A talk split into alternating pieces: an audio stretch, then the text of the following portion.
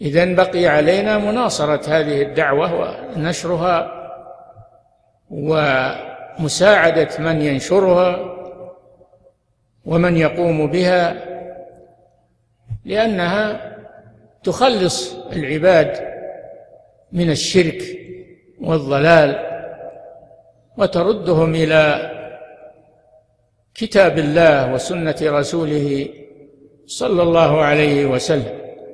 هذا هو المطلوب. كل عالم وكل طالب علم يجب عليه أن يقوم بهذا الأمر وأن يوضحه للناس وأن يدعو إليه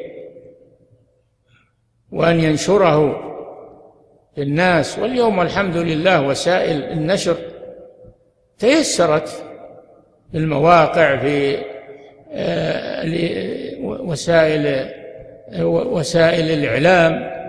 تيسرت. ما بقي علينا إلا أن نستغلها وننشر هذا الحق وهذا البيان فيها وذلك من نعمة الله عز وجل. فبدل أن تذهب إلى الشرق والغرب عندك وسائل الإعلام ألقي فيها من هذا الخير وهو ينتشر بسرعة والحمد لله. فالله جل وعلا يسر لنا وسائل الدعوة سهلها علينا. فلم يبقى لنا عذر إن تكاسلنا في هذا الأمر وتقاعسنا عنه والعالم بحاجة إليه.